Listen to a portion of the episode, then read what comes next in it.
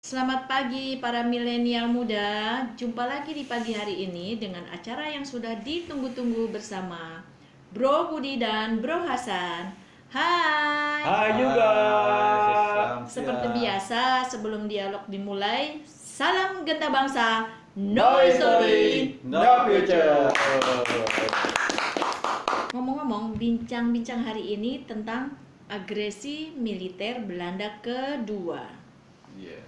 Terus saya juga mau menanyakan ya, Silakan. para milenial pasti ada yang sudah tahu, ada yang mungkin ada yang juga yang belum. Apa sih uh, maksudnya agresi militer Belanda kedua? Siapa dulu? Bro Hasan apa? Agresi Oh, militer silakan. kedua itu menurut versi Belanda merupakan uh, uh, uh, operasi polisio- polisioner, polisioner yang lebih uh, dikenal lagi adalah operasi Gaga.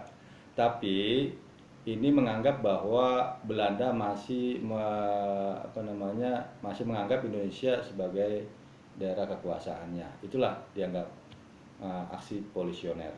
Nah, kemudian kalau Indonesia itu menyebutnya adalah agresi militer kedua.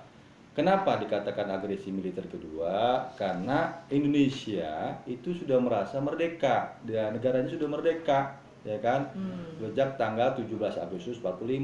Makanya kalau negara sudah merdeka, sudah berdaulat dan kemudian ada eh, pihak asing yang eh, melakukan eh, apa nama serangan itu dikatakan sebagai aksi agresi militer.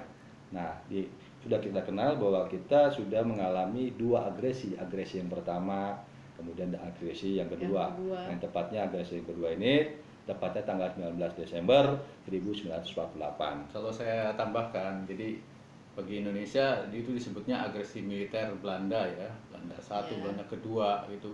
Karena Belanda pengecut, dia melakukan penyerangan tanpa terlebih dahulu menyatakan perang, ya kan? Betul.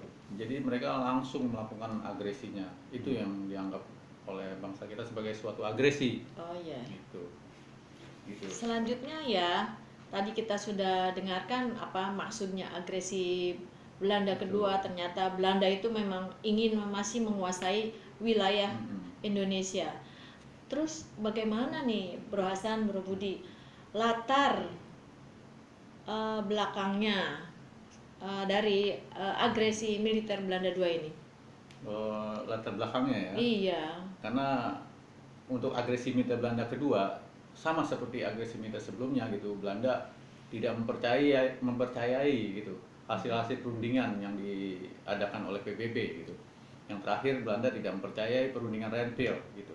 Oh ya. termasuk hasil dari apa Komisi Tiga Negara yang menengahi perundingan antara Indonesia dan Belanda gitu. Padahal dengan, iya. ya, dengan kata Lanjut, lain bahwa lanjut. Belanda itu mengkhianati perjanjian Renville ya, karena di situ bukan hanya pihak Belanda atau Indonesia yang dalam uh, menyelesaikan konflik ini, tapi juga ikut campur dari PBB dengan komisi tiga Hmm. negaranya ya kan. Ya. Pada saat itu kita kenal bahwa Indonesia memilih sebagai Australia sebagai rekannya, kemudian Belanda memilih Belgia, kemudian yang netral adalah Amerika Serikat. Nah, Iya. seperti itu.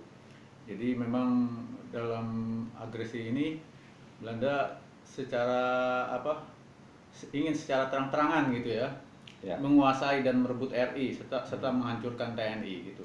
Belanda udah mempersiapkan apa Pasukannya ya. pasukannya ya, Pasukannya yang- yang dipimpin oleh Ah. Simon Spur ya, gitu. Simon Spur gitu, Ya. yang merupakan panglima kenil Belanda di Indonesia gitu. Itu eh, latar belakangnya ya Mas Bro Budi ya. iya. Betul, betul, betul, Terus betul. proses kejadian gimana? Di hari pertama, ya, ketika ini sebetulnya ah, ada yang melatar belak- belakang juga ya. Oh, gitu ya? pertama, Ha-ha. sebelum hari pertama itu ada ya sebetulnya ah, pemerintah kita ini sudah melihat gejala gelagat yang tidak baik dari ah, Belanda. Hmm. Nah, oleh sebab itu eh, pemerintah ya Ya pada saat itu Bung Karno, Bung Hatta, Sahrir juga mengadakan suatu eh, eh, Sidang kabinet, sidang ya. kabinet untuk mempersiapkan penyerangan Belanda tersebut. Bagaimana jika Belanda Nah, mengagresi gitu. Jadi bagaimana seandainya begini bagaimana? Nah kemudian uh, pemerintah pada saat itu membentuk ya akan membentuk seandainya Hmm. Belanda menyerang akan membentuk suatu pemerintah darurat militer atau BDRI Iya. di Sumatera yang di nanti akan diketuai oleh Sarifudin Prawinegara. Iya. Dan kalau seandainya itu pun tidak berhasil, ya dibentuk pemerintahan pengasingan di India gitu Hmm. karena kita punya duta besar di India yaitu Dr. Sudarsono dan staf kedutaan besarnya LN Palar serta Menteri Kemakmuran yang ada di sana Maramis ya, ya betul. gitu.